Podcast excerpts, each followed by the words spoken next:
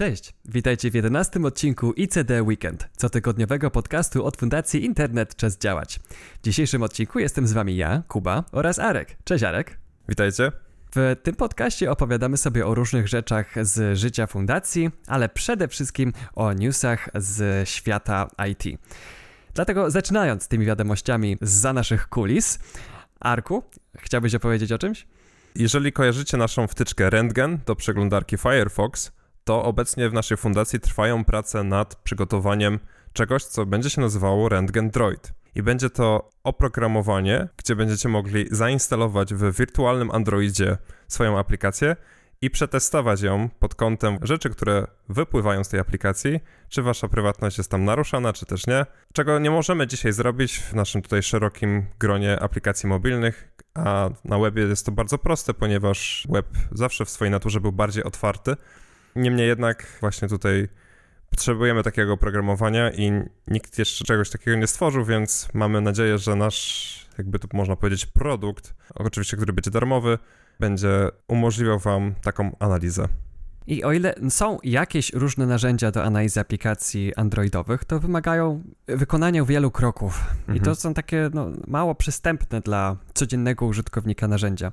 Naszym celem jest zrobienie czegoś, i już jesteśmy całkiem blisko tego celu, co będzie maksymalnie proste. To znaczy, wchodzi się na stronę internetową, wpisuje się nazwę aplikacji, którą chce się przetestować, system pobiera ją z Play Store'a, instaluje, uruchamia i pokazuje po lewej stronie ekran aplikacji, a po prawej odszyfrowany ruch, który ta aplikacja generuje pomiędzy aplikacją a różnymi serwerami podmiotów trzecich. Będzie można klikać w ten ekran i patrzeć, jaki kolejny ruch sieciowy jest generowany. Prace postępują. Aktualnie no, czeka na mnie code review mhm. w funkcji, znaczy takiego zestawu zmian, który znacznie przyspiesza działanie tego rentgendroida. Wcześniej wczytywał się około 4 minut, teraz doniesienia są, że już się wczytuje około 40 sekund. Więc może jeszcze jak odpalimy to na odpowiednim serwerze, naprawdę nie będzie trzeba długo czekać na, na wykonanie analizy takiej aplikacji. Oj tak. Więc można powiedzieć, że ten odcinek jest zapowiedzią W11 Wydział Śledczy. w końcu odcinek ICDW 11? 11, dokładnie. Więc ja też bardzo trzymam kciuki za ten projekt. Mam nadzieję, że umożliwi on wśród użytkowników większą świadomość tego, co robią aplikacje. I moim kolejnym tematem jest ogólnie artykuł, który pochodzi z 2019 roku. Miał on ostatnio lekki update tego, jak to wygląda dzisiaj odnośnie wtyczek do przeglądarek. I nasze wtyczki do przeglądarek, które możecie zainstalować w swojej przeglądarce, generalnie mają taką otwartą naturę z uwagi na tego właśnie weba, który zawsze był bardziej otwarty niż inne platformy. I to jest takie fajne, jak sobie tak o tym pomyślę, że ludzie tworzą często po godzinach, nie będąc w żaden sposób opłacani za swoją pracę, jakieś wtyczki, które na przykład umożliwiają nam dostosowanie naszego oprogramowania do naszych potrzeb. I to jest coś, czego często nie możemy zobaczyć w różnych zamkniętych systemach, nie? w różnych platformach, gdzie masz jakąś aplikację i musisz z niej korzystać w taki sposób, jaki sobie zażyczył twórca tej aplikacji. A na przykład, jeżeli korzystamy z jakiejś aplikacji internetowej, no to tutaj świetnym właśnie przykładem są wtyczki, które umożliwiają dostosowanie tej aplikacji do naszych potrzeb, żebyśmy mogli korzystać tak, jak my chcemy. I tak generalnie nic więcej na ten temat nie mam do powiedzenia. Zapraszam do przeczytania artykułu, aczkolwiek fajna jest taka świadomość, że mhm. jest to takie nieliczne miejsce, gdzie możemy rozszerzać nasze oprogramowanie bez takiego reverse engineeringu i tak dalej, i tak dalej. No, bo web nie był właśnie tworzony przez jakąś korporację, która miała na myśli mhm. zamykanie użytkowników w jakimś tam ekosystemie. I wydaje się nie do pomyślenia, żeby był jakiś taki zbiór wtyczek na przykład do iOS-a, które każdy może sobie napisać w jakimś języku skryptowym, który Apple udostępni użytkownikom, żeby mogli modyfikować swój system. to się raczej nie stanie. A ja już teraz mówię o tym Apple'u, bo troszeczkę mogę wyprzedać swoje myśli. W tym odcinku o, o Apple'u będzie dużo. Mhm. Następnym tematem, który mam na liście, jest y, takie narzędzie, które opublikowała Mozilla, nazywa się Platform Tilt. To jest taki zbiór różnych powodów, dla których konkurencja na rynku przeglądarek jest utrudniona. Mhm. I można sobie wejść na tę stronę, to jest mozilla.github.io ukośnik platform tilt ciężko mi nie dodać takiego uszczypliwego komentarza, że to Mozilla opowiada o otwartych tutaj technologiach, a publikuje to na Microsoft GitHub, ale okej, okay. potem Microsoft też jest jedną z krytykowanych firm na tej liście, ale najbardziej krytykowaną jest Apple. Mhm. I zgłoszone Tutaj problemy z Applem są całkiem liczne. Na przykład to, że nie można instalować przeglądarek, które mają silniki inne niż ten iOS-owy WebKit. Mhm. Nie można tworzyć aplikacji wieloprocesowych na iOS-a. Niektóre sposoby zarządzania pamięcią są zablokowane dla aplikacji, które nie są aplikacjami first party od Apple. I oczywiście w każdym z tych przypadków argumentem jest to, że to chodzi o bezpieczeństwo. Jednak wiele z tych zabezpieczeń można rozwiązać w taki sposób, że po pierwsze, można dawać aplikacjom jakieś przyzwolenia. Tak samo jak się daje przyzwolenia do importu kontaktów, no to albo użytkownik się zgadza, albo nie. To nigdy nie dzieje się bez wiedzy użytkownika, że aplikacja ma taki dostęp. Mhm. Dlatego fakt, że Apple blokuje na przykład dostęp do historii Safari, i do otwartych kart sprawia, że nie można napisać przeglądarki, w której wygodnie można przenieść swoje dane z Safari na inną przeglądarkę. Już niezależnie od tego, z jakiego ona silnika wyszukiwania korzysta. Mhm. Więc takie API mogłyby powstać i na desktopie to jest norma. No jak ktoś sobie instaluje Firefoxa, to może sobie zainstalować taby z Chroma i vice versa. Więc tutaj to jest takie dosyć sztuczne ograniczenie. I znowu jest pytanie, no ale przecież bezpieczeństwo, nie chcemy, żeby aplikacje z, z, App Store'a miały dostęp do naszych danych przeglądania. No, ale to można schować za uprawnieniem, za jakimś modelem, można jednorazowo to uprawnienie przyznawać. Są różne sposoby na obejście tego. Google dodatkowo dostał zarzuty, że nie jest możliwe też importowanie danych z przeglądarki na Androidzie. Niektóre androidowe funkcje uruchamiają Chroma zamiast domyślnej przeglądarki użytkownika mhm. i Google serwuje gorszej jakości wyniki wyszukiwania dla przeglądarek third party niż dla Chroma. Czyli jak się wyszuka coś w na przykład wyszukiwarka obrazków albo jakieś tam interaktywne karty z odpowiedziami na pytania są ładniejsze i bardziej bogate, jeżeli korzysta się z Chroma na Androidzie niż na Firefoxa. Ale to jest tylko kwestia znowu poruszonego w ostatnim odcinku User Agent. Wystarczy, żeby Firefox się przedstawiał Google'owi jako Chrome i nagle już dostaje te lepsze wyniki. Microsoft ma jeszcze jako zarzuty wypisane problemy z ustawianiem domyślnej przeglądarki na Windowsie, bo znowu Windows czasem jednak woli Edge'a mhm. włączyć oraz fakt, że niektóre Windowsowe funkcje uruchamiają Edge'a zamiast domyślnej przeglądarki użytkownika, podobnie jak Google robi na Androidzie. Zarzuty wobec Google i Microsofta są znacznie mniej liczne niż te, które są wobec Apple'a. Niemniej jednak liczę, że ta lista będzie z czasem maleć. Ta lista jest zrobiona tak, że na GitHubie można zgłaszać różne nowe znalezione problemy dotyczące tego zjawiska platform tilt, jaki opisuje Mozilla, oraz można dyskutować o tych już istniejących. Część z tych rzeczy odnośnie silników innych niż WebKit na iOSie jest w pewien sposób zaopiekowana przez nadchodzącą regulację DMA.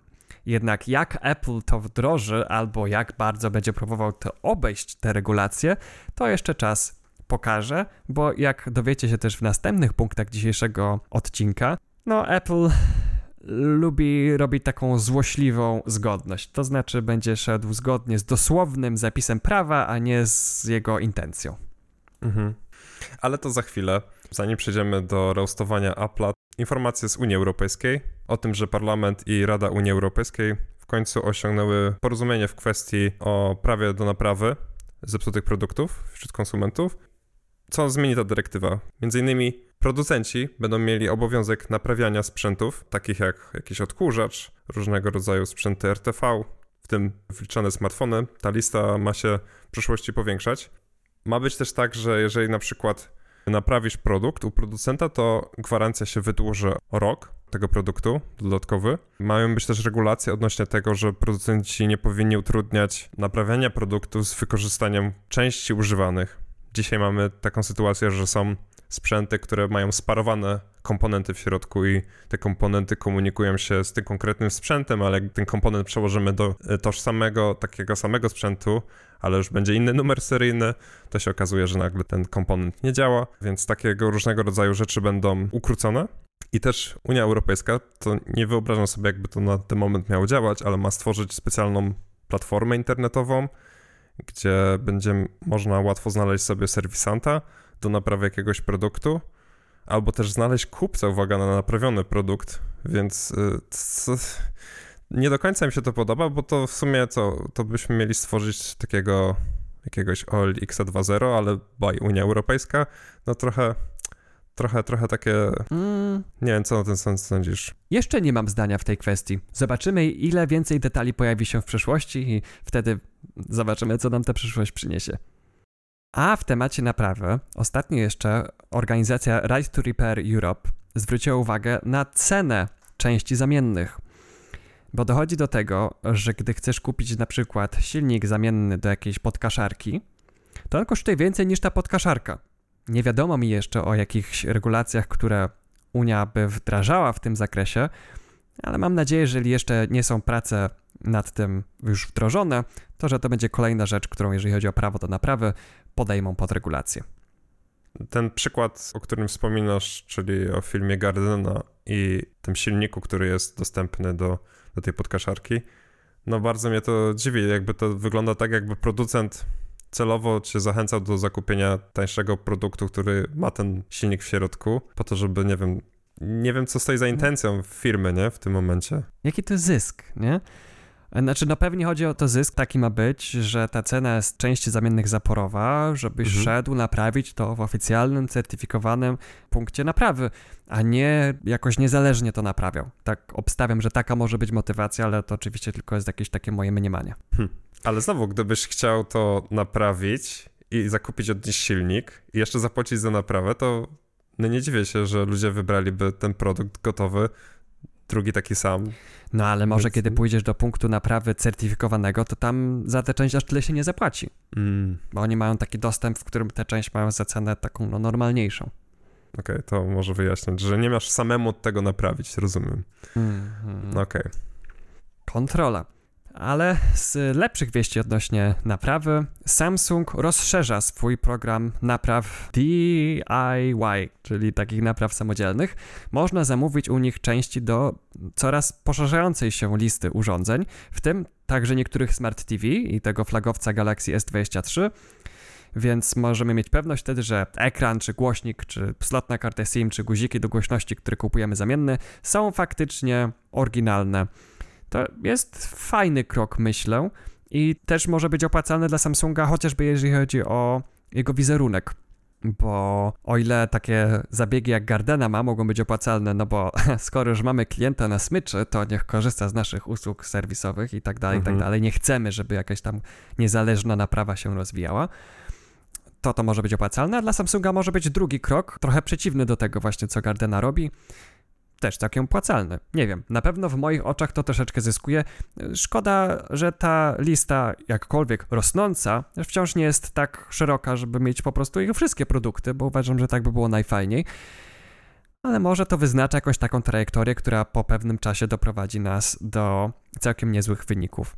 Tutaj oczywiście nie mogę nie wspomnieć o Fairphone, który jest telefonem zrobionym tak, żeby był bardzo, bardzo łatwe do naprawy. Tam naprawdę producenci postarali się niesamowicie dobrze, żeby wszystko udokumentować tak, żeby naprawa była możliwa. Wszystkie różne najdrobniejsze komponenty są udokumentowane w takich instrukcjach naprawy, jakie serwisantom producentów takich komercyjnych, dużych firm tylko by się śniły, e, jeżeli ktoś robi taką niezależną naprawę, bo musi polegać albo na jakimś reverse engineeringu, albo na jakichś mhm. poradach znalezionych w internecie. A tak, być może to kiedyś będzie taki standard, którego wszystkie firmy będą się trzymały, że sprzęty będzie łatwo naprawiać. Ale no właściwie po co wy to firmy mają robić, nie? No, się zepsuje, kupisz nowy, nowy hajs.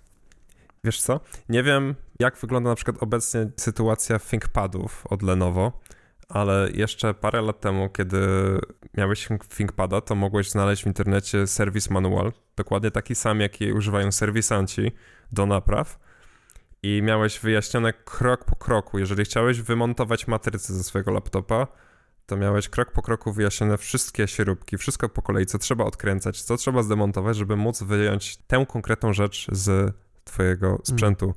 I marzy mi się coś takiego wśród smartfonów, nie? Na przykład, nie wiem, popsuł mi się głośnik, zalał się wodą i masz konkretne kroki. Trochę jak iFixit robi to za producentów publikując jakieś artykuły z tego, co dobrze się orientuję, gdzie pokazują jak na przykład rozbierają jakiś smartfon, nie na części pierwsze. Mm. Bo musisz zrobić taki właśnie reverse engineering tego sprzętu, jak on został złożony i jak go rozebrać, żeby się coś przy okazji nie uszkodziło. Te manuale, o których wspominasz, to były za czasów, kiedy ThinkPad był jeszcze w rękach IBM-a, czy już w rękach Lenovo? W rękach Lenovo. O, okej. Okay. No, Lenovo, po Lenovo się można spodziewać wszystkiego. I niemniej jednak no, mają na, na pewno takie linie produktów, jak już nie jest pewnie sekretem dla słuchaczy, ThinkPady sobie bardzo chwalę jako linię produktów, właśnie taką nastawioną na nie bycie przebajeżone, nie jakieś dziwactwa, po prostu na to, żeby być dobrym, trwałym sprzętem, który służy użytkownikowi. To nie jest sprzęt, który po prostu ludzie będą mdlej z wrażenia, jak go zobaczą, chociaż zależy pewnie w jakim środowisku się ktoś otacza. Ale po prostu robi to, co ma robić i robi to dobrze. No, poza tym, że kontrol z FN-em są zamienione, to nie mam zastrzeżeń. Ale mają funkcję w BIOSie, w większości przypadków możesz tak. to zamienić, albo na Linuxie możesz też sobie to podmienić przemapować. E, no, jakby tutaj też kamyczek odnośnie ThinkPadów. E, ten odcinek właśnie nagrywam na ThinkPadzie z 2006 roku, więc działa, działa i da się. No, więc e, w kontekście jeszcze Samsungów, to pewna ubezpieczalnia ze Stanów Zjednoczonych, która się nazywa Allstate, zrobiła drop testy nowych Samsungów Galaxy S24. Tam są trzy modele. Większy, mniejszy, nie wiem, ale wiem, że są duże i każdy smartfon, który upuścili, jak upadł, no to nie szło z niego korzystać, w sensie był tak poczaskany, że po prostu no wszystko do wymiany i okazuje się, że poprzednicy byli bardziej odporni na upadki, bo w poprzednich testach dwa z S23 przeżyły, a jeden z S23 nie przeżył, a tutaj każdy jeden się rozpadł. I też one, te S24 mają jakieś takie tytanowe ramki, czy coś trochę jak ten Apple najnowszy 15 Pro, jakiś super materiał, okazuje się, że jest to nieodporne na upadki. Mm. I tam podają właśnie też takie statystyki, że rocznie Amerykanin wydaje 200 dolarów na naprawę sprzętu, że 89% użytkowników przyznaje, że czasami korzysta ze smartfona za pomocą jednej ręki, 78% użytkowników upuściło telefon korzystając z telefonu jedną ręką. Ja w swojej karierze smartfonowej miałem tylko kilka smartfonów, bo staram się ich używać jak najdłużej. Mm. Jeden tak upadł mi i korzystałem jedną ręką i był za duży, więc mhm. teraz po prostu staram się mieć smartfon, który nie przekracza 6 cali. I naprawdę producenci jakby produkując tak duże sprzęty prowokują to, że one będą tłuczone, bo po prostu ludziom to wypadnie z ręki, no to ile Totalnie. możesz trzymać? I z kieszeni wiesz, też, bo z kieszeni no, też. No. wyściskiwać. Ale 89% użytkowników przyznaje się, że czasami korzysta ze smartfona za pomocą jednej ręki. Czyli 11% albo korzysta tylko i wyłącznie dwoma rękoma ze smartfona, albo nie chce się przyznać, że czasami korzysta z niego tylko jedną ręką. Ciekawe statystyki. Nie wiem, ja widzę, czasem przyznaję się, że patrzę, jak ludzie korzystają z różnych urządzeń elektronicznych w tramwajach, w środkach komunikacji miejskiej mm. i czasami akrobacje palcowe, jakie są w stanie wykonać niektórzy użytkownicy olbrzymich telefonów, na przykład trzymają telefon w jednej dłoni, tak że jego dół jest oparty o piąty palec, a drugim palcem ręki sięgając za tyłu ekranu tak, żeby zsunąć tę szufladkę powiadomień od góry, to jest, y, to jest już jakiś, y, to jest już jakiś nowy chyba gatunek po prostu. ja tak palcem nigdy nie zrobię. Ewolucja na naszych oczach. Nie należysz do pokolenia Gen Z. Nie, nie, nie. Ani do Jay-Z. Ani do Jay-Z. I tak, w kontekście gestów Apple Vision Pro Uwaga, uwaga, nie wspiera myszek Bluetooth i nie wspiera także starych klawiatur Apple'a z wymienną baterią. Nawet nie wiedziałem, że takie istniały. Myślałem, że wszystkie klawiatury od Apple'a, jak już miały baterię, to raczej ta bateria była wbudowana w środek i niewymienna. No ale okazuje się, że były takie z wymienną i to mi się kłóci z tym, jak jest przedstawiane jako spatial computing ten sprzęt, że tu przestrzennie pracujesz, że możesz mieć wiele ekranów i możesz szybko, produktywnie tam wykonywać różne zadania, gdzie nie możesz podłączyć myszki Bluetooth, ale możesz machać palcami i patrzeć wzrokiem, gdzie chcesz kliknąć y, za pomocą tych super gestów, które teraz się będziesz uczył ale możesz podłączyć na przykład kontroler od Xboxa czy od PlayStation, no bo możesz, ale nie możesz myszki Bluetooth. No i to jest postęp. Ja, ja w ogóle zastanawiam się nad tą ideą tego spatial computing. bo tam sobie chwalą, że to jest taka produktywność i tak dalej, tylko jakby no w tych reklamach i także w różnych recenzjach tego Apple Vision Pro, no bo z takim zaciekawieniem podszedłem do tego, jak ludzie na to reagują, jak z tego ludzie korzystają. Mm -hmm. No i widzę, że na przykład parują swojego MacBooka i wyświetlają sobie ten ekran na taki wielki ekran, a potem jeszcze otaczają siebie dookoła różnymi innymi aplikacjami. I teraz, no nie wiem, no trzeba siedzieć na obrotowym krześle albo mieć bardzo mocną szyję, żeby przeskakiwać się pomiędzy tymi oknami, ponieważ żeby coś w tym oknie zrobić, to musisz skupić na nim wzrok. Nic w nim nie klikniesz, póki nie patrzysz bezpośrednio na niego. Mhm. Też użytkownicy raportowali, że dopiero teraz sobie zdają sprawę, jak często wchodzą w interakcję z jakimiś elementami na ekranie, na które nie patrzą bezpośrednio. Mhm. Tylko już tam jakoś polegają może na pamięci mięśniowej albo na tym, że to jest na krawędzi ekranu i nie muszą tak mhm. mhm. dokładnie klikać. Ja na przykład jak chcę zamknąć okno, no to po prostu kieruję myszkę maksymalnie w prawo i w górę i klikam lewy przycisk. Nie szukam tego przycisku ani wzrokiem, mhm. ani kursorem. I w sytuacji, w której mamy właśnie taki spatial computing, no to trzeba się obracać na tym obrotowym krześle, zamiast wciskać sobie Alt-Tab na przykład. Mhm. Co to nie będzie bardziej wydajne. Nie wyobrażam sobie, żeby to było bardziej wydajne, bo tak czy jak jesteśmy w stanie patrzeć tylko na jedną rzecz naraz.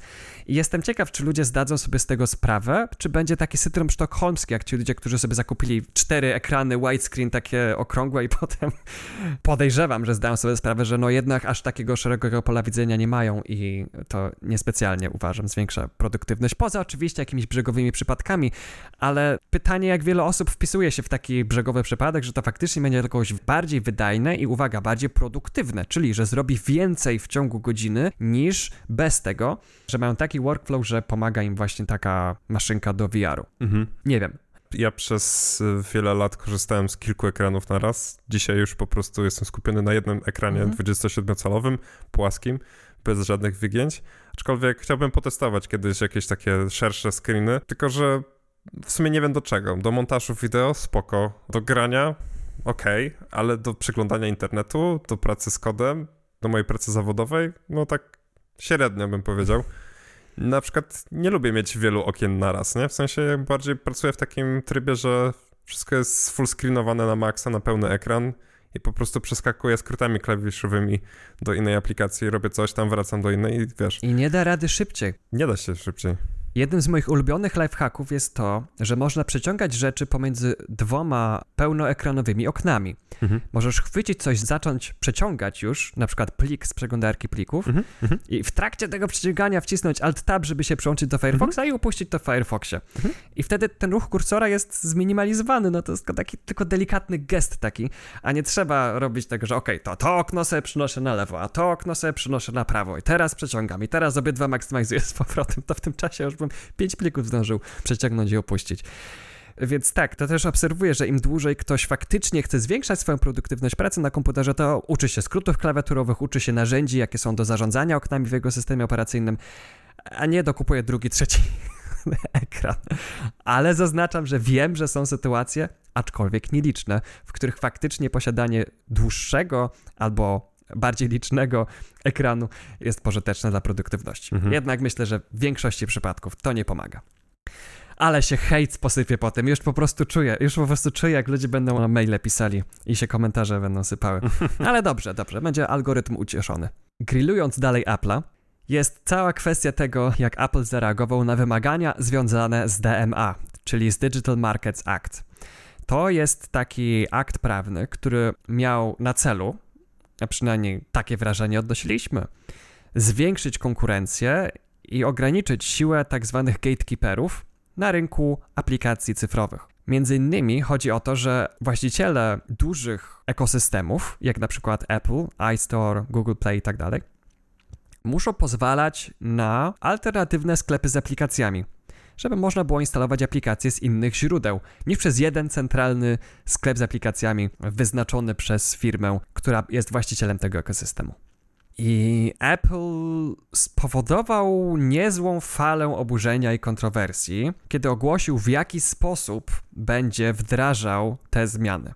Otóż, po pierwsze, alternatywne sklepy będą mogły uruchomić na iOSie tylko firmy, które mają na koncie co najmniej milion euro oraz za każdą instalację aplikacji z tych sklepów ten sklep musi płacić Apple'owi pół euro co roku dożywotnie. Tak przynajmniej można zrozumieć z tego, co Apple napisało. Być może jakaś inna interpretacja odnośnie kiedy ta opłata pół euro będzie anulowana, ale w najgorszej wersji, jak można interpretować to, co Apple napisał, może być tak, że faktycznie, jeżeli użytkownik pobierze aplikację, zainstaluje, nawet jej nie włączy i następnie ją odinstaluje, to właściciel aplikacji musi płacić pół euro do końca świata właściwie, co roku. I to był na pewno bardzo ciekawy ruch ze strony Apple'a, bo wzbudził także kontrowersje wśród całej społeczności deweloperów, mhm. którzy już od długiego czasu narzekają na to, że Apple jest bardzo trudne do współpracy.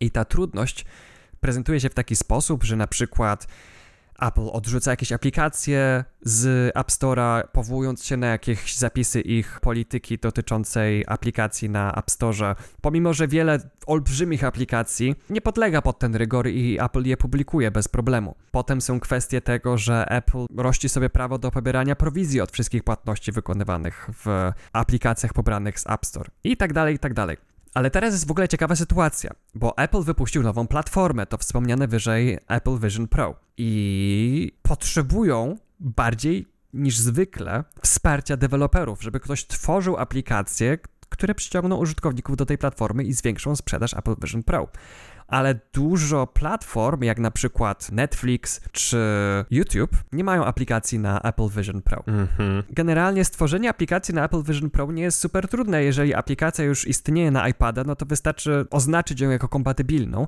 ale ci deweloperzy świadomie zrezygnowali z opcji publikacji już zrobionych aplikacji iPadowych na Apple Vision Pro.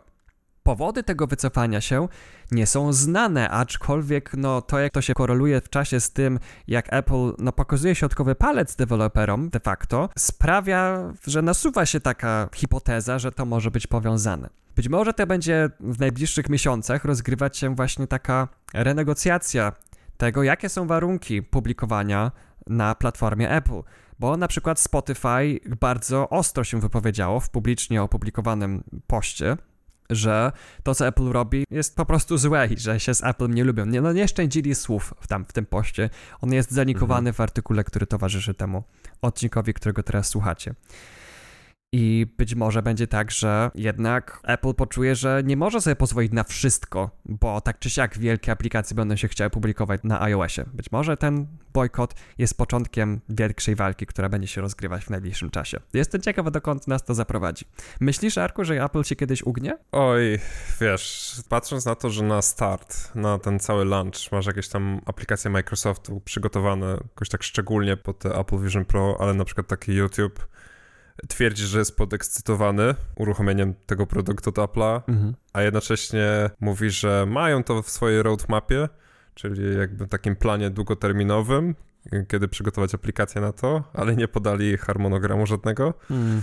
No to mi się też wydaje, że tutaj będzie walka trochę konkurencji, żeby troszeczkę zdusić ten produkt nie? i pokazać Apple'owi właśnie ten środkowy palec, nawet ze strony takich dużych korporacji jak Google czy też właściciel Spotify'a, no? Tak, no ja, ja obstawiam, że nacisk ze strony Google'a będzie mniejszy, no bo jeżeli Google będzie naciskał na większą konkurencję deweloperów w różnych aplikacjach, no to to by musiał także robić to na Play Store, na przykład no Google też, mhm. no miał też problemy z tym pobieraniem różnych prowizji, deweloper od Fortnite też zgłaszał różne problemy. Mówiliśmy o tym chyba o Epiku i Google, Tak, nie? tak, tak, tak, tak. Więc myślę, że Google tak wprost nie będzie szarżował, no ale Spotify nie jest platformą, nie jest systemem, więc oni tutaj mają, że tak powiem, więcej do ugrania, a Google jest jednocześnie podmiotem, który wytwarza aplikacje i podmiotem, który zajmuje się tworzeniem ekosystemu do publikowania aplikacji, co oczywiście rodzi wspomniane powyżej problemy. Mhm. No ale właśnie w kontekście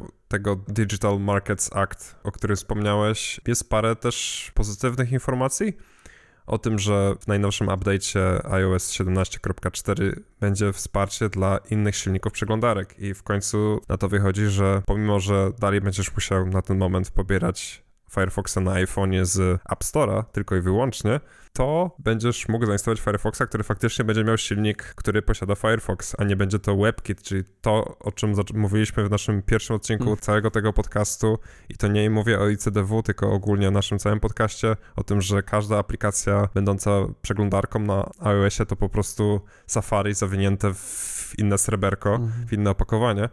Więc może to się faktycznie zmieni. To ma się zmienić w najnowszym tym nadchodzącym update'cie.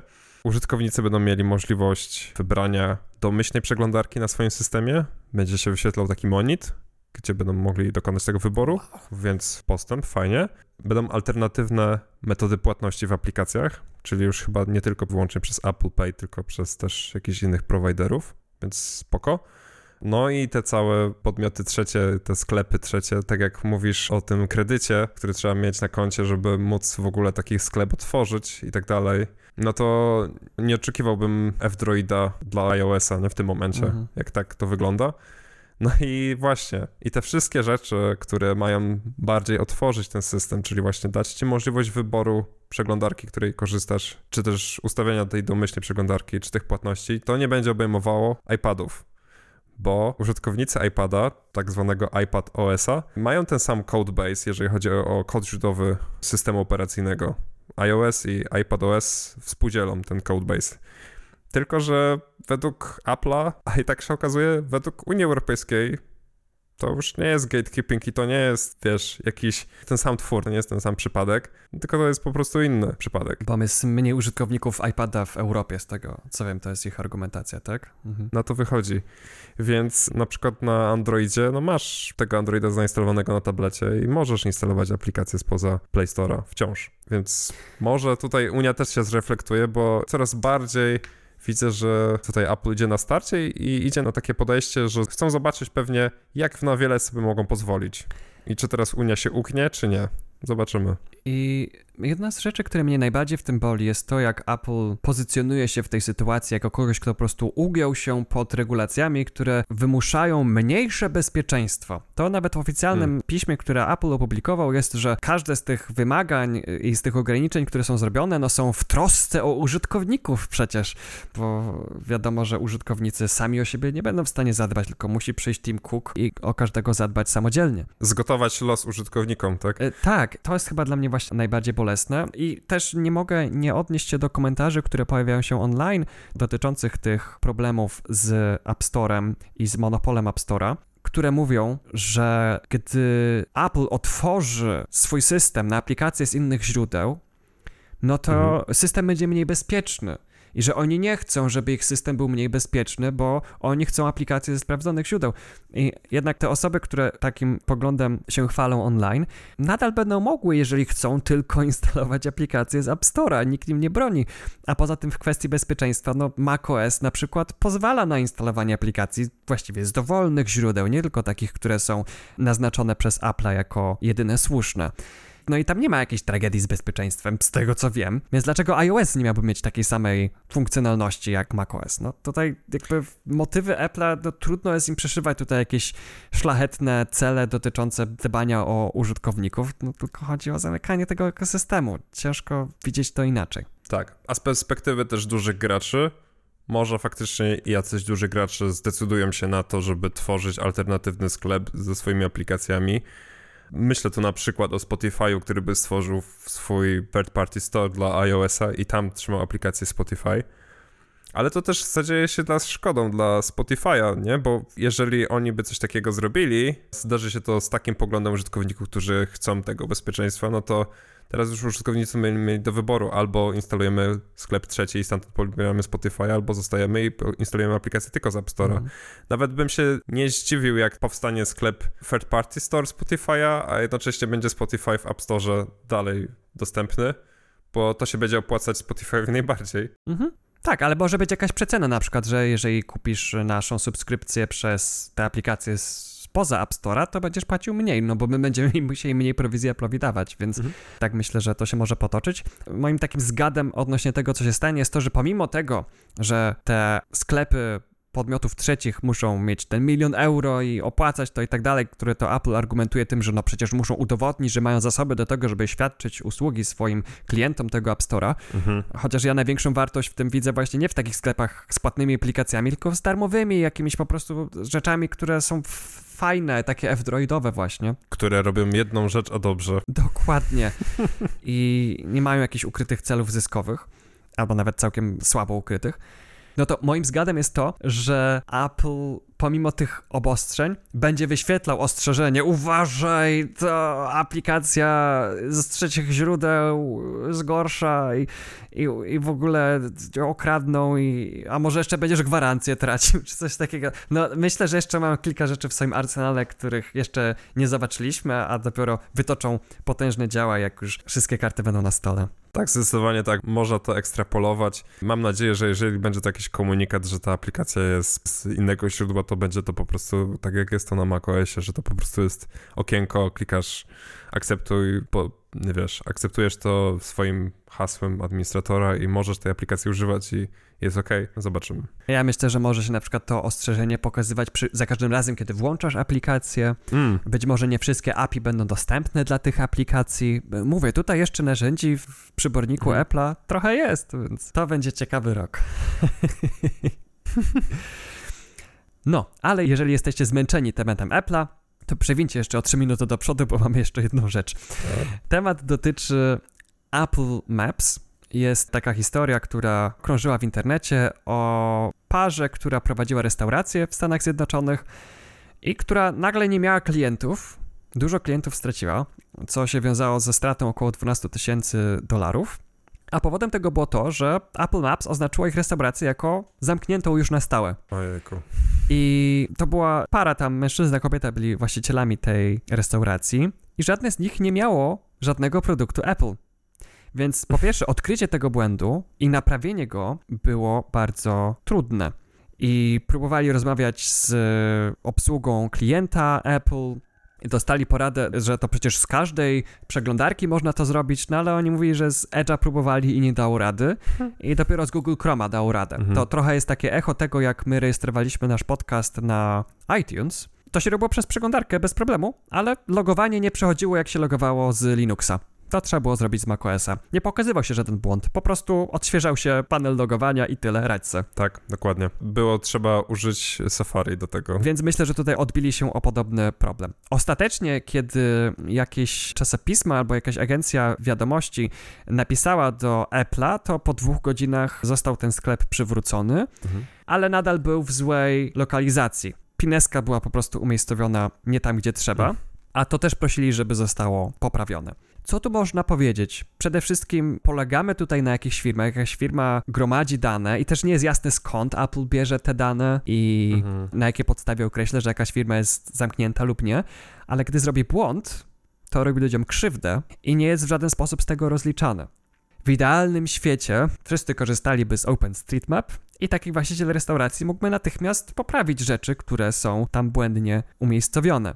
Oczywiście to także zwiększa pole popisu do wandalizmu Niemniej jednak OpenStreetMap na przestrzeni lat jakoś nie ma wielkiego problemu z wandalizmem. Ta społeczność naprawdę działa całkiem prężnie, więc jestem dobrej myśli. Trochę mi to przewodzi moje dyskusje różne na temat Fediversum, które no może nie ma idealnych narzędzi do moderacji i ma wiele także systematycznie patrząc też takich problemów z moderacją, jakie może mieć Facebook. Może te problemy są bardziej rozproszone i tak dalej, mhm. ale po prostu to jest inna społeczność i zachowuje się inaczej przez to. I w jakiś sposób być może te drobne mechaniczne zmiany jednak mają bardzo wymierny wpływ. No bo nie wiem jak ty, Arku, obstawiam, że masz podobnie, ale dyskusje na Fediversum są tak uprzejme i takie radosne. Rzadko się zdarza, jeżeli w ogóle, że nie wiem, wychodzę skwaszony z jakiejś interakcji Fediversowych, nawet jeżeli się z kimś nie zgadzam. No i totalnie, no potwierdzam, no po prostu ludzie pomimo, że nawet są za jakimiś nazwami i emotkami i tak dalej, to potrafią się kulturalnie wypowiadać. Mhm. Nie spotykam się tam z jakimś hejtem. Nie uważam też, żeby to była jakaś bańka, bo naprawdę spotykam ludzi o różnych poglądach mhm. i ludzie potrafią prowadzić kulturalne rozmowy w przeciwieństwie do na przykład takiego Facebooka i tego, co się tam dzieje. Tak, więc tutaj myślę, że na takie zachowanie ma wpływ nie sama struktura moderacji, tylko brak tych algorytmów, nie? że ten algorytm nie nagradza tworzenia zapalnych treści. Ale to wszystko to jest tylko dygresja właśnie dotycząca OpenStreetMap, która jest dygresją do tematu o Apple Maps i tych mhm. właścicieli restauracji, którym taka szkoda została wyrządzona de facto. Że w takim idealnym świecie zmiana informacji na nasz własny temat, albo na temat naszego własnego biznesu, powinna być prostsza niż hmm, spróbuj z innej przeglądarki, albo hmm, spróbuj z innego ekosystemu. Może kup iPhone'a. Mhm. To mi taki absurd do głowy przychodzi, że na przykład chciałbyś się obciąć, nie? Chciałbyś ściąć swoje włosy na głowie. Mhm. I mógłbyś to zrobić tylko i wyłącznie w konkretnym miejscu, u konkretnego fryzjera, autoryzowanego, ale nie mógłbyś tego samemu zrobić. Nie mógłbyś wziąć nożyczek mm. i wiesz, Taki DRM na włosy. Ci chyba jeszcze ktoś to usłyszy i wdroży. w każdym razie, w tej historii o Apple Maps mnie też demotywuje taka notka, która się pojawiła w artykule, który zgłaszał to zajście, że wsparcie klienta Apple, osoba, która tam mhm. pracuje, odmówiła wsparcia tej parze, bo powiedziała, że no oni nie są klientami Apple. A to przepraszam, jak używasz Apple Mapsów, to nie jesteś ich klientem? No. Z tego co wiem, oni właśnie nie używali, oni nie mieli żadnego urządzenia od Apple ale jakoś ustalili to, że ich restauracja jest tam zamknięta, więc użyli tej usługi, żeby tam sprawdzić, że są faktycznie jako na stale zamknięci. To wiem, że to im klienci zgłosili, mhm, okay. że ktoś do nich zadzwonił i się spytał, a dlaczego wy zamknęliście moją ulubioną restaurację? Nic się nie spodziewałem. W ten sposób się dowiedzieli. Okay. Mhm. Czy potem sprawdzali to też stan tej aplikacji na jakichś urządzeniach z iPhone'em, czy nie? Obstawiam, że pewnie tak, pewnie znaleźli kogoś, kto ma iPhone'a w swoim otoczeniu i po prostu poprosili go o pomoc ale no to też jest nie takie proste do sprawdzenia w momencie, w którym nie jesteś częścią tego ekosystemu. Czyli w razie wypadków z Applem potrzebujesz znajomego z iPhone'em, żeby mieć plecy. Tak, tak jak my z, z iTunesami. Musieliśmy mieć kogoś, kto ma MacBooka, na którym jest Safari, żebyśmy mogli zarejestrować nasz antyaplowski podcast na aplowskiej platformie. I to chyba koniec tematów aplowych na dzisiaj. Przegląda naszą listę. Tak, wasze uczy mogą odpocząć od tych negatywnych aplowych rzeczy. Teraz porozmawiamy o negatywnych nieaplowych rzeczach. Ubisoft powiedział na głos właściwie, że chce, żeby ludzie się odzwyczaili od posiadania gier, które kupują. Chcą przenieść tę całą branżę gier wideo do sytuacji, w której ludzie kupują gry jako subskrypcje i kiedy przestają płacić, to te gry tracą chyba że zaczną płacić ponownie. Osoba reprezentująca Ubisoft przedstawiała to jako że ludzie są tacy głupiutcy, no bo, no bo co, bo płacą za Netflixa, za jakieś tam różne inne subskrypcje i są z tym okej, okay, zupełnie pomijając wszelkie obawy o tym, że w momencie, w którym nie posiadasz fizycznie kopii tej gry, to ona w każdej chwili może być zostać mhm. zabrana. Mhm. I już nie będziesz mógł jej instalować. I archiwizowanie gier, także z takich muzealnych bardziej aspektów, będzie znacznie utrudnione. I te wszystkie inne problemy, o których ludzie ostrzegali w temacie Google Stadia i które okazały się prawdą. Mhm.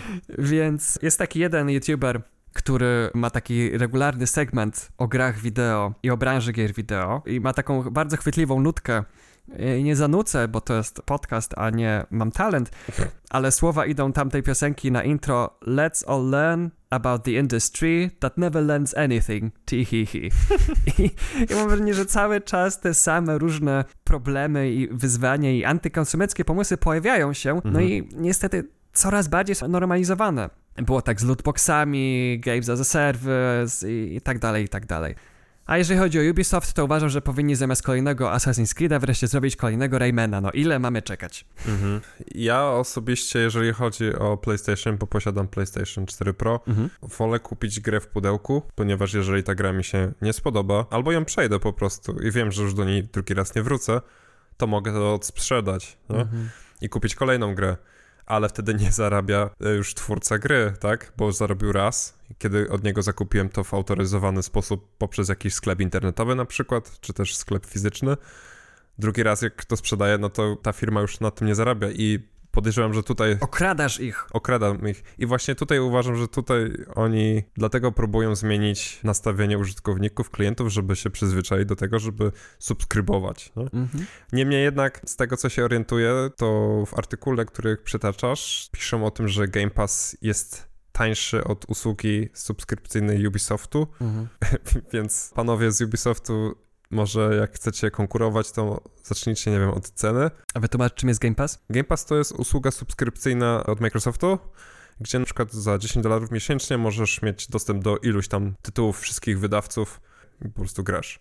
Rozumiem, że usługa Ubisoftu jest dwa razy droższa i oferuje tylko dostęp do Ubisoftowych gier, a nie do... tak, oczywiście. Dokładnie tak. Ach, kiedy się firmy nauczą, że powinny konkurować ceną i jakością, a nie wymuszaniem rzeczy. Trochę jak firmy, które produkują filmy i, nie wiem, Netflix oferuje ci usługi różne, ale które potrafią mniej niż spiracone filmy z torrentów Oczywiście do piracenia filmów z torrentów nie zachęcamy, niemniej jednak obiektywnie rzecz ujmując, możesz sobie pobrać film offline, odtwarzać go na urządzeniu, które nie ma chipów od DRM, wymaga to mniej mocy obliczeniowej, żeby to odpalić. Na przykład na Raspberry Pi można odtwarzać sobie filmy w dużej jakości, chyba że mają DRM, a to wtedy się ścina. I robić sobie kopię zapasową tych rzeczy, nikt ci nie jest ich w stanie zdalnie usunąć i tak dalej, i tak dalej. Mhm. A to jest, to też jest rzecz, którą chcemy się jako fundacja zająć. Mamy taki pomysł, bo jeżeli się dobrze orientuję, to masz prawo do posiadania kopii rzeczy, nie? W sensie możesz kupić na przykład film i powinieneś mieć możliwość zrobienia kopii zapasowej mhm. tego filmu, czy też tej płyty z muzyką. Mhm. A w przypadku konsol spróbuj skopiować płytę z Blu-rayem, nie? Tak, i gdzie to nasze prawo do możliwości zrobienia zapasowej kopii na użytek własny? Hmm. Obstawiam, a właściwie nie, nie, nie, nie wiem, czy mogę to obstawić, czy firmy mają odpowiedź na to pytanie. Ja myślę, że to jest pytanie, które użytkownicy przestali zadawać. Mhm. I myślę, że jako fundacja warto, żebyśmy przypomnieli, że takie pytanie można zadawać i warto zadawać. Często i mocno. A o torrentach wspominam, bo Torrent Freak zrobił taki raport tego, że jeden z bardziej popularnych trackerów BitTorrent, mhm. czyli takich serwerów, które pośredniczą w informacji o tym, kto ma kawałek jakiego pliku, blokuje niektóre hasze torrentów. To znaczy, no każdy torrent jest utożsamiany przez jego hash, czyli ciąg znaków i po samej znajomości ciągu znaków nie jesteśmy w stanie stwierdzić, co to jest za plik albo zestaw plików, które stoją za tym mhm. torrentem. Oczywiście możemy spróbować go pobrać i się przekonać, albo wpisać ten hash w internet i sprawdzić, jak różne indeksery opisują ten torrent o takim haszu, ale no, na podstawie samego haszu, samego z siebie tamte informacje nie są zakodowane. I niektóre hasze są blokowane, bo zostały zgłoszone jako treści nielegalne. Torrent Freak sprawdził sobie przynajmniej część z tych haszy, co to były za różne treści, mhm. i to tak pokazuje, że torrent nie jest w 100% odporny na cenzurę. Oczywiście to jest tylko i wyłącznie decyzja administratorów tego trackera, czy będą blokowali taki hash, czy nie. No niemniej jednak jakiś tam podmiot w środku jest. Oczywiście można potem korzystać z innego trackera, ale no najfajniej jest korzystać z takich trackerów, które wiedzą o jak największej ilości użytkowników, bo wtedy mamy szybsze prędkości pobierania, no i także czasem od tego, jaki tracker wybierzemy, może zależeć, czy w ogóle jesteśmy w stanie pobrać jakiś plik w 100% czy nie.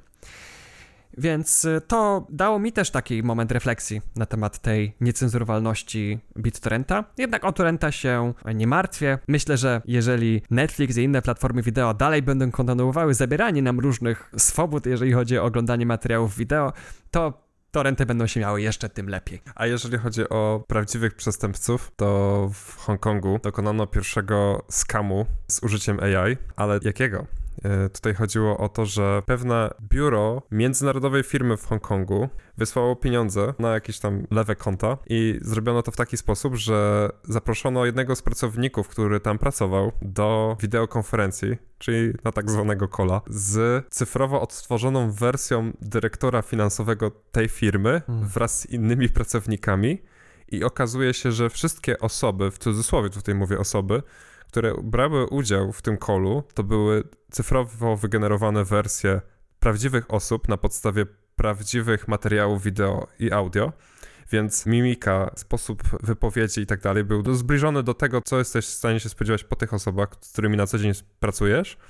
No i tylko ta ofiara, ta, ta jedna osoba, która się wdzwoniła, była prawdziwą osobą z tej firmy.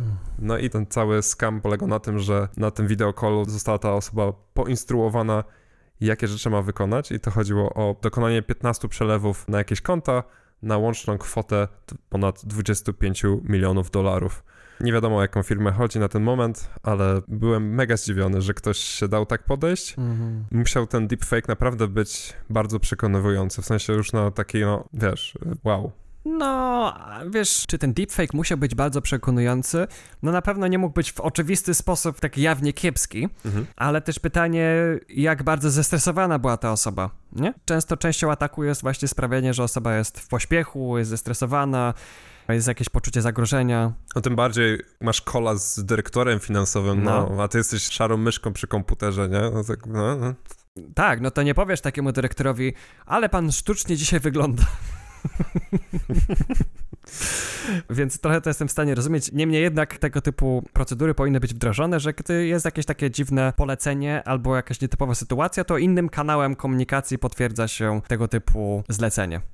W artykule, który tutaj przytaczam, była mowa na przykład o podpisanych kluczach publicznych do tych osobistych spotkań, jakieś inne uwierzytelnianie tych stron spotkania. No tym bardziej, że tu mówimy o jakichś operacjach finansowych, więc mm. tym bardziej mnie to zdziwiło, że to tak hop siup i się udało. No myślę, że to też było zaplanowane i dobrze wypracowane jakby cały proces przed. W sensie to nie jest tak, że ktoś usiadł i w ciągu jednego dnia wymyślił to i stworzył sobie te deepfake'i, -hmm. tylko miał obrany cel i kogo chce zaatakować dokładnie, jak to przeprowadzić. I owszem, tak, kryptografia asymetryczna mogłaby tu być bardzo pomocna w zapobieganiu, przynajmniej w dużej mierze, może nie w całości, ale w dużej mierze tego typu atakom. Jednak wiesz, co jest największym mankamentem kryptografii symetrycznej w moim odczuciu? Nie wiem, pewnie coś niewygodnego. Mm-mm. Jest darmowa, mm-hmm. więc nikt nie ma specjalnie interesu w tym, żeby ją wdrażać i wciskać ludziom. Gmail coś tam ostatnio randkował z kryptografią asymetryczną, ale no wiesz, to co jest zbudowane, nie wiem, w Thunderbirda, o tyle w Outlooka myślę, że długo może nie być bo gdyby to był jakiś płatny produkt, to myślę, że wiesz, byłby budżet na to, żeby to rozgłosić ludziom. Ja w trakcie różnych szkoleń, które prowadzę, widzę szkolenia dla całkiem dużych firm, które, nie wiem, handlują z Chinami i tak dalej i padają mhm. ofiarą ataków, w którym ktoś po prostu, kto pośredniczy w tym łańcuchu serwerów, przez które przechodzi e-mail, podmienia jakieś dane w fakturze, nie? Hmm. No i tam mówię, że no tutaj kryptografia asymetryczna by tam pomogła i tak dalej, ale to też niewiele się o tym wie, niewiele się o tym słyszy, wciąż brak poradników jakichś w tym zakresie. A potem wchodzę na szkolenie do jakiejś gminy w jakiejś miejscowości takiej wielkości, że tam, no mówię, to jest taki koniec świata. Jest co? Jest wdrożone GPG, w ogóle tu Kleopatra odpalona na Windowsie i tak dalej, tutaj Thunderbird i tam wow. jakiś pan informatyk wszystko doskonale zrobił. Więc to bywa bardzo różnie, ale wciąż myślę, że jest potrzeba, żeby ta świadomość rosła, żeby przestępcom było trudniej, co tu dużo mówić. Więc jeżeli boicie się o jakieś właśnie skamy AI-owe, to jest parę rozwiązań, które możecie wdrożyć i to nie musi być tylko i wyłącznie kryptografia asymetryczna. Na przykład Electronic Frontier Foundation poleca ustawienie sobie rodzinnego kodu, rodzinnego hasła. I na przykład, jeżeli ktoś do was dzwoni z członków rodziny w potrzebie, bo nagle się coś wydarzyło, że wielkie pieniądze są potrzebne do wysłania gdzieś tutaj, bo ja nie mogę, kolega przyjdzie i tak dalej, i słyszycie głos i faktycznie brzmi to jak wasz członek rodziny, to możecie taką osobę, czy też tą wirtualną reprezentację tej osoby, zapytać o hasło rodzinne, mm. czy też potwierdzić to w jakiś inny sposób, typu rozłączając się i dzwonić do tej osoby, żeby się upewnić, czy jakimś innym środkiem komunikacji skontaktować się z tą osobą, że taka sytuacja miała miejsce i faktycznie trzeba jakieś kroki podjąć. Takich parę rzeczy możemy tu na dzień dobry polecić, jeżeli się właśnie boicie takich rzeczy, a to nie jest tak trudno zrobić taki klon głosu. No ale właśnie wyobrażam sobie, jak dystopijnie mhm. wygląda u mnie w głowie taka wizja, że podchodzę do mojej mamy i jej powiem: Słuchaj, być może w najbliższym czasie zadzwoni do ciebie ktoś, kto wygląda i brzmi jak ja, ale to nie będę ja. Jeżeli będziesz miała jakieś wątpliwości i ten pan będzie ci kazał robić jakieś dziwne rzeczy, zapytaj go o to hasło, nie? I to hasło, nie wiem, to jest na przykład żaba. I, no, no, no. No i też oczywiście to wiąże się z wyzwaniami na przykład dla osób, które, no nie wiem, ja mogę podejechać do rodziców i możemy się offline wymienić tym hasłem, ale co jeżeli ktoś mieszka na innym kontynencie? Jak tak, tutaj tak, bezpiecznie tak. się wymienić tym hasłem i tak dalej, i tak dalej. I tutaj wchodzi kryptografia asymetryczna. Sorry, musiałem. ale tak, no zdecydowanie takie hasło ustalone wcześniej wcześniej, to brzmi jak fajny pomysł. Myślę, że wezmę rodziców na rozmowę. Tylko ja rodziców nie mogę przekonać, żeby korzystali z różnych haseł do różnych usług, albo żeby zapisali sobie gdzieś te hasła. Jak mówię na przykład, o, spróbuj, nie wiem, zrobić coś na tym komputerze, to nie, bo tu nie ma moich haseł. Wszystkie są zapisane mm. w przeglądarce, nigdzie indziej. Komputer upadnie, no i będzie po prostu bardzo źle. Udało mi się ostatnim czasem mojego taty i moją mamę przekonać do Kipasa i do tego, żeby mieli What? menadżer haseł. Co prawda jeszcze ten plik od menadżera haseł, czyli ta baza danych się w żaden sposób nie synchronizuje z innymi urządzeniami, więc jest to wciąż tak jak hasło zapisane w przeglądarce, Aha. ale przynajmniej są generowane i są długie, słownikowe. I różne do różnych serwisów. Dokładnie tak. Wow. Wow, to po nagrywce zdradź mi proszę swój sekret, Spoko. jak to zrobiłeś. Spoko. Idąc dalej, też temat przestępstw, zostały postawione zarzuty dla twórcy Uscriptu.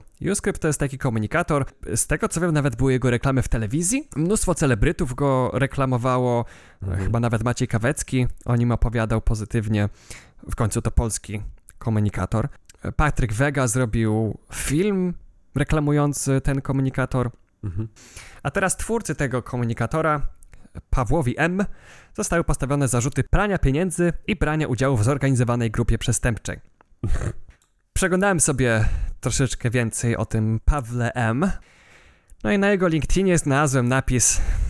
No, nie, nie, bardzo mnie to zaskoczyło, ale oczywiście, że on działa teraz na blockchainie i na metaversum. Napisał: mhm. Założyłem Uscript Nation pierwsze cyfrowe państwo w Metaverse. Jest to rewolucyjny projekt, który przedefiniuje pojęcie cyfrowego kraju. No mam nadzieję, że ten kraj nie będzie miał umowy ekstradycyjnej z Polską dla jego własnego dobra. Ale o ile ten flame i fame dotyczący NFT i Metaverse umiera, to dzisiaj sobie sprawdzałem w trendach Google zapytania o hasło Metaverse zaczęły wzrastać ponownie wraz z wyjściem Apple Vision Pro. Mhm. Więc stety, czy niestety, Metaverse może ponownie wrócić w tym NFT-owym, blockchainowym wydaniu, bo może ludzie się zaczną tym ekscytować ponownie. No nie wiem, czas pokaże. Mówisz, że VR-owe gogle będą paszportem do cyfrowego państwa? Wiesz co, ojej, mi teraz triggerowałeś, bo jest tyle tutaj słów właśnie typu, bo generalnie ludzie od tych metaversów bardzo lubią używać pojęć, które są jakoś utarte w technologii, ale używać ich w zupełnie innym znaczeniu. Mm jak mówić VR na coś, co nie jest w goglach, tylko po prostu to jest jakiś taki second life, jak cyfrowy mm -hmm. świat, do którego wchodzisz, ale przez komputer z klawiaturą i myszką, niekoniecznie przez VR po mieszanie słów, cyfryzacja, stokanizacja i, i tak dalej, i tak dalej. Ale to jest puszka robaków, której teraz nie chcę otwierać. Kontynuując naszą podróż po naszych tematach, mamy Flipboarda, który będzie się federował. Tak, Flipboard to jest platforma społecznościowa, która zajmuje się, jakby to powiedzieć, content curation. Czyli są użytkownicy, którzy przeglądają różne wieści, no i te, które uznają za wartościowe, umieszczają w swoich własnych magazynach. Każdy może tam mieć swój własny magazyn. Mhm. I można subskrybować magazyny różnych osób, albo w ogóle różne osoby i tak dalej, i tak dalej. I Flipboard zaczyna się federować, czyli będzie można followować osoby z Flipboarda za pomocą platform Fediversowych i vice versa. Będzie za pomocą Flipboarda można followować osoby z Fediversum. Mhm. To jest póki co rozwijane. Na początku kilka wybranych kont miało opcję tego testowania, ale do kwietnia ma być już ostatecznie rozwinięta ta federacja z wdrożonymi zmianami, które wyszły jako konieczne w testach i Fediversum się poszerzy. Wydaje się po lekturze tego artykułu, że autorzy mają naprawdę duży entuzjazm wobec tego ruchu i że Fediversum zaczyna się stawać czymś takim powszechnym, no bo już Threadsy się federują z Fediversum, już Flipboard się federuje z Fediversum. Jeszcze o. trochę i będzie tak, że jak się dowiemy, że kolejna aplikacja się federuje z Fediversum, to już będzie takie, eh, nudy. Okay. w samą porę. Cieszy mnie to. Naprawdę mi się podoba wizja przyszłości, w której fakt, że nie jestem przymuszany do zakładania konta na jakiejś platformie, akceptowania jej polityki prywatności, tylko po to, żeby czytać treści, jakie ktoś tam opublikuje i dostawał dzięki powiadomienia, bardzo mi się podoba. Mhm. Jestem ciekaw, jak na przykład chcą rozwiązać motyw publikowania informacji na przykład na takim mastodonie, bo przeglądam sobie, jak wygląda Flipboard. Mhm. To tak generalnie wygląda jak taki ładnie przygotowany RSS. Więc prawdopodobnie każda informacja o artykule to po prostu będzie taki post na przykład na Mastodonie. Mhm. Nie wiem. No fajnie, fajnie, że to się rozwija. Więcej użytkowników w sieci Fediverse. Lepiej. Mi się to podoba. Tak, autorzy tego posta, w którym została ogłoszona ta federacja, wspominają zalety tego, że użytkownicy Flipporta będą mieli więcej treści do swoich magazynów, a użytkownicy Fediversum będą mieli więcej nowych, ciekawych kont do obserwowania. Wydaje się, że to jest win-win. Zobaczymy. W każdej chwili Flipboard będzie mógł się z tego oczywiście wycofać, ale zapowiada się, że to raczej jest na stałe. Mhm. Z kolejnych dobrych wieści, które tym razem zostawiliśmy na koniec, a nie na początek, Volkswagen z powrotem będzie wprowadzał przyciski do samochodów, którymi będzie można regulować szybami w samochodzie i klimatyzacją. W aktualnych wersjach najnowszych Volkswagenów nie wiem o którą dokładnie serię samochodów chodzi, była możliwość tylko sterowania za pomocą dotykowego ekranu. Co ma oczywiste negatywne konsekwencje tego, że trzeba patrzeć na to, co się klika i trzeba odwrócić wzrok z drogi. Nie wiem, mhm. jakim cudem projektanci samochodów mogli nie widzieć tego wcześniej jako problemu. Dosłownie drapie się teraz w głowie, jak o tym myślę. Niemniej jednak liczne skargi i oburzenie od użytkowników przywiodły uwagę Volkswagena na to, że trzeba coś jednak z tym zrobić. I ta ekranoza w samochodach jest, wydaje się, już takim trendem, który odchodzi powoli, może na to się zapowiada, a przynajmniej słabnie. Nie wiem, jak to będzie w Tesli i nie wiem, jak to będzie w Apple Carze, który podobno plotki tam są, że coś tam znowu e, przesunięto kilka lat, ale kiedyś wreszcie ma się pojawić. Być może Apple Vision Pro będzie konieczne do uruchomienia Apple Car? Nie wiem. Widziałem też dzisiaj jakiś mock-up jakichś wiarowych funkcji w okularach, które się zakłada, żeby w trakcie jazdy wyświetlały jakieś informacje na drodze. I oczywiście, że tam kiedyś reklamy wepchną, no bo dlaczego by nie. Zdziwiłbym się, gdyby to nie szło w tę stronę.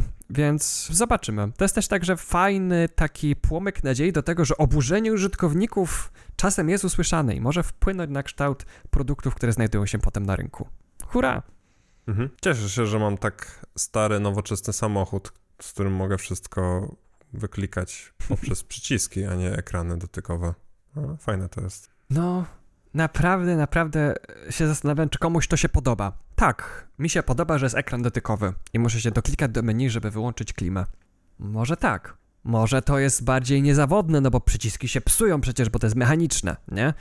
A na ekranie ten przycisk no to jest jaki jest. Albo się cały ekran zepsuje, albo nie. Nie wiem. Ale biorąc pod uwagę to, że takie przeciętne przyciski na przykład w klawiaturach nie wiem, czy nie sięga rzędu miliona kliknięć, nie? czy coś takiego. Mhm. Więc taki przycisk w samochodzie, tak jak mówią, że w Polsce jeżdżą te stare graty, gruzy mhm. e, po drogach i, i przyciski działają, więc czemu miałyby się tak psuć, nie? Jakby ja myślę, że to bardziej chodzi o to, że takie ekrany wyglądają efektownie, ale nie są efektywne. I, i, i tu jest cały clue. To mi trochę przychodzi na myśl, jak jeden z rzeczników reklamodawców mhm. w trakcie debat w Poznaniu nad uchwałą krajobrazową dodał komentarz, że przecież żeby miasto było nowoczesne, to muszą być ekrany reklamowe. No jak? I muszą być podświetlane billboardy. Jak inaczej chcecie osiągnąć Smart City? Jest... Oh my God. Więc może jest tak samo w branży motorniczej, są te targi i tak dalej, no ale jak chcecie mieć nowoczesny samochód z guzikami, przecież guziki to wiesz, to w starych trupach jeżdżą, a nie w nowoczesnych autach. Widziałeś Tesla kiedyś? Zobacz, jaki tam jest wielki dotykowy ekran. No, no. Smart City, ta. Smart City, bo są podświetlane billboardy. Ja nie zmyślam, to jest naprawdę ktoś napisał takie zdanie. Drodzy słuchacze, jeżeli widzicie billboard, który nie jest podświetlony, to to nie jest Smart City, a jeżeli widzicie taki, który jest świecącym ekranem i was oślepia, to to jest postęp i nasza przyszłość technologii, w którym żyjecie w Smart City. Straszne. Tak, nie no, wiesz, jak miasto potem chce zadbać o to, żeby ludzie przyjeżdżali do niego, żeby w nim mieszkali, no to ktoś potem przyjeżdża do Poznania, wysiada i mówi, nie ma ekranów z wielkimi reklamami ani wołanymi z czym do ludzi, nie, wyprowadzam się do Nowego Jorku. Tak, a, a ludzie z epilepsją, kij, nie? Niech się męczą. Nie? Tak. Straszne tak, tak. Przyszłość. Miały być pozytywne wiadomości na koniec, ale no cóż, prawda jest jaka jest.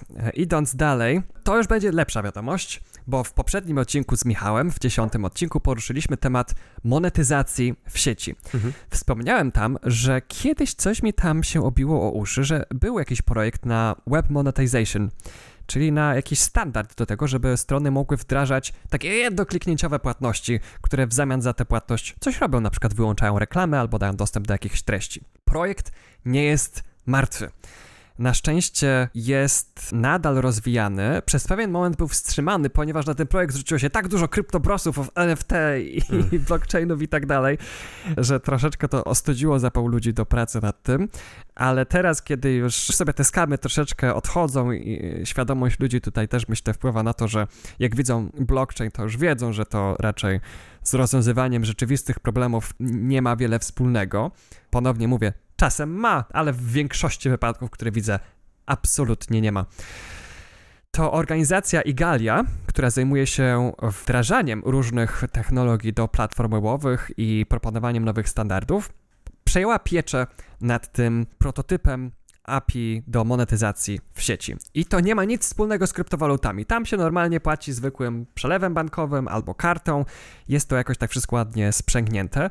Nie, żeby tutaj robić jakąś reklamę, że o, scentralizowane banki są jedynym słusznym rozwiązaniem, ale no chyba lepsze to niż aktualny cały chaos z tymi wszystkimi skamami opartymi o Web3, blockchain, NFT.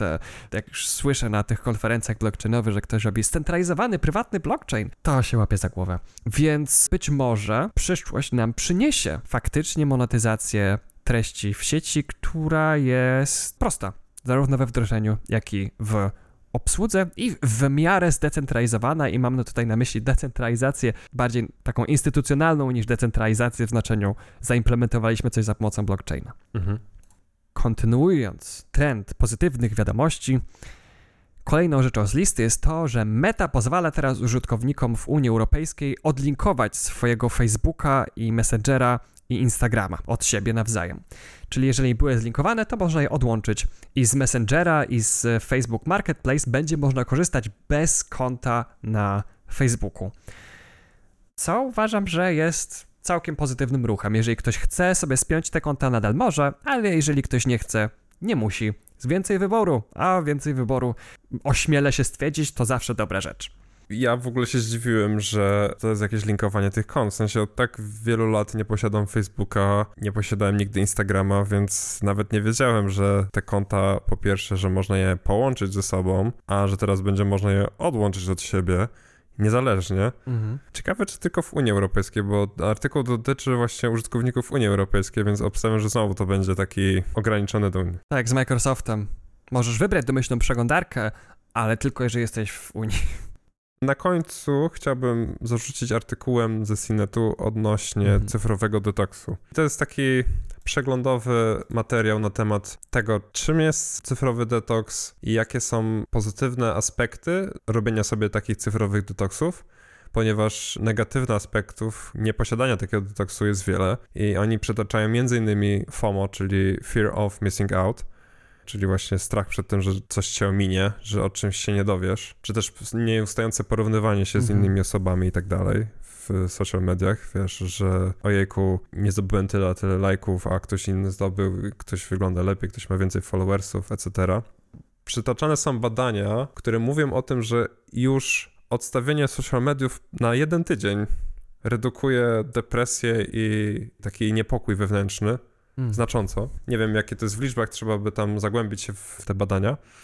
Aczkolwiek ja na przykład widzę bardzo pozytywny wpływ odstawiania. Na przykład przez jakiś czas wrzucam coś na Pixel Feda, później mówię okej, okay, teraz sobie daję spokój, nie? I dobry na przykład miesiąc czy ileś nic nie publikuję, żadnego zdjęcia nie wrzucam, albo na przykład żadnego posta na Mastodonie, aczkolwiek na Mastodonie mhm. znacznie częściej coś tam piszę.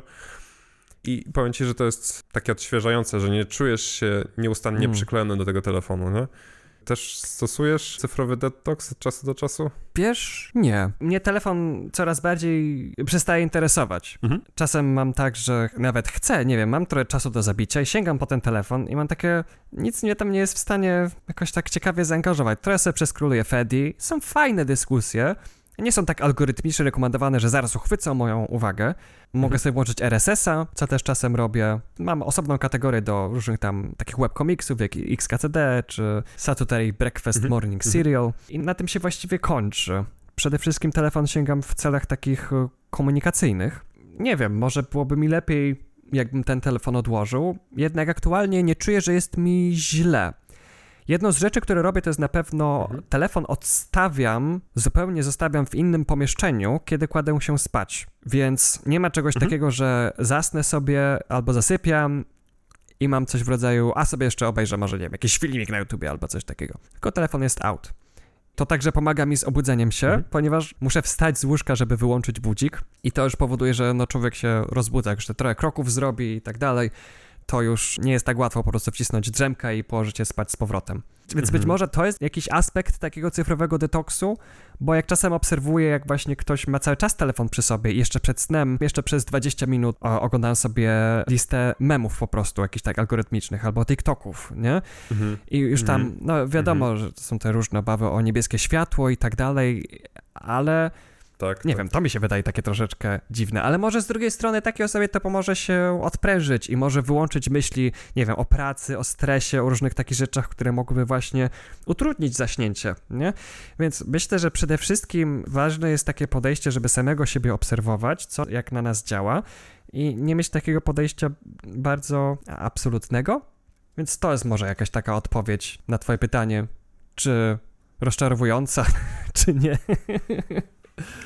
Nie, ja uważam, że to w takim razie Okay. stosujesz jakiś cyfrowy detoks, bo na przykład tak jak mówisz, idziesz spać i telefon jest w innym miejscu, to jest spoko, to jest w ogóle świetna opcja. Ja długi, długi czas już używam funkcji do not disturb, Mhm. żeby telefon nie brzdękał po, po którejś tam godzinie, więc jeżeli ktoś faktycznie chciałby do mnie zadzwonić, to musi dwa razy wykonać połączenie, bo tylko za drugim razem faktycznie dzwonek się włączy. I też wybrane tylko i wyłącznie kontakty.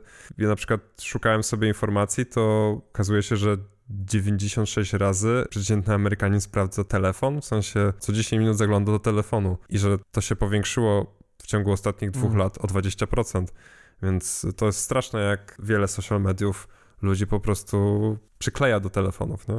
Ja myślę, że wcale nie sięgam jakoś super rzadziej po telefon, jak teraz tak sobie o tym myślę, no bo cały czas toczę jakieś konwersacje, ale jak się muszę skupić, to nie mam problemu, że muszę sprawdzać, aczkolwiek e, często w mojej pracy jest tak, że muszę coś wykonać i sprawdzić, jak to się zachowa, ale to troszeczkę czasu zajmie, zanim to się uruchomi i mi pokaże rezultat. W takich sytuacjach Mhm. alt-tabuję się na przykład do Telegrama i sprawdzam, co tam się dzieje, czy ktoś coś napisał, albo sobie zerkam na telefon, ale to jest nadal na takiej zasadzie, nie wiem, być może to jest kwestia dyscypliny, a być może kwestia aplikacji, które mam na telefonie i których nie mam na telefonie, ale nie zdarza się tak, że telefon mnie pochłania w takim stopniu, że pół godziny mija i ja mam takie, ojejku, straciłem poczucie czasu, a miałem pracować.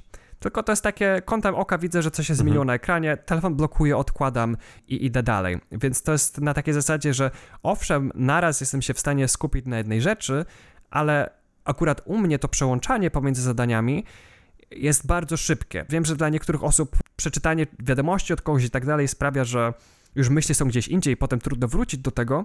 U mnie akurat tak to działa Mhm. pomiędzy tymi uszami, że to przełączanie się jest całkiem proste.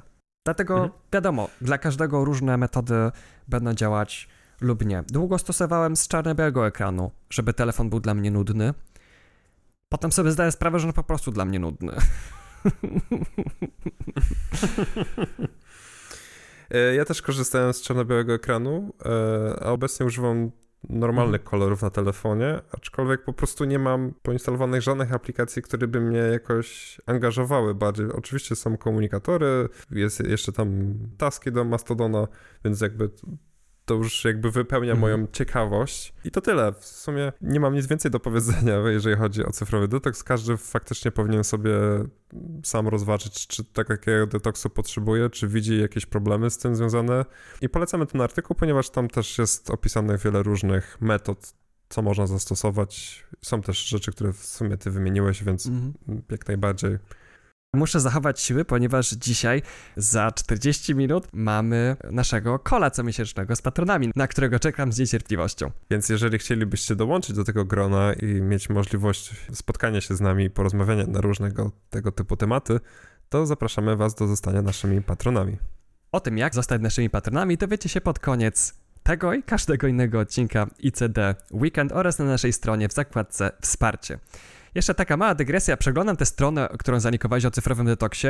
Bardzo mnie cieszy i bawi fakt, że przewijam sobie artykuł o tym cyfrowym detoksie i włącza się w prawym dolnym rogu autoplayujące wideo z czymś zupełnie innym, właśnie notabene recenzją Apple Vision Pro. Mm.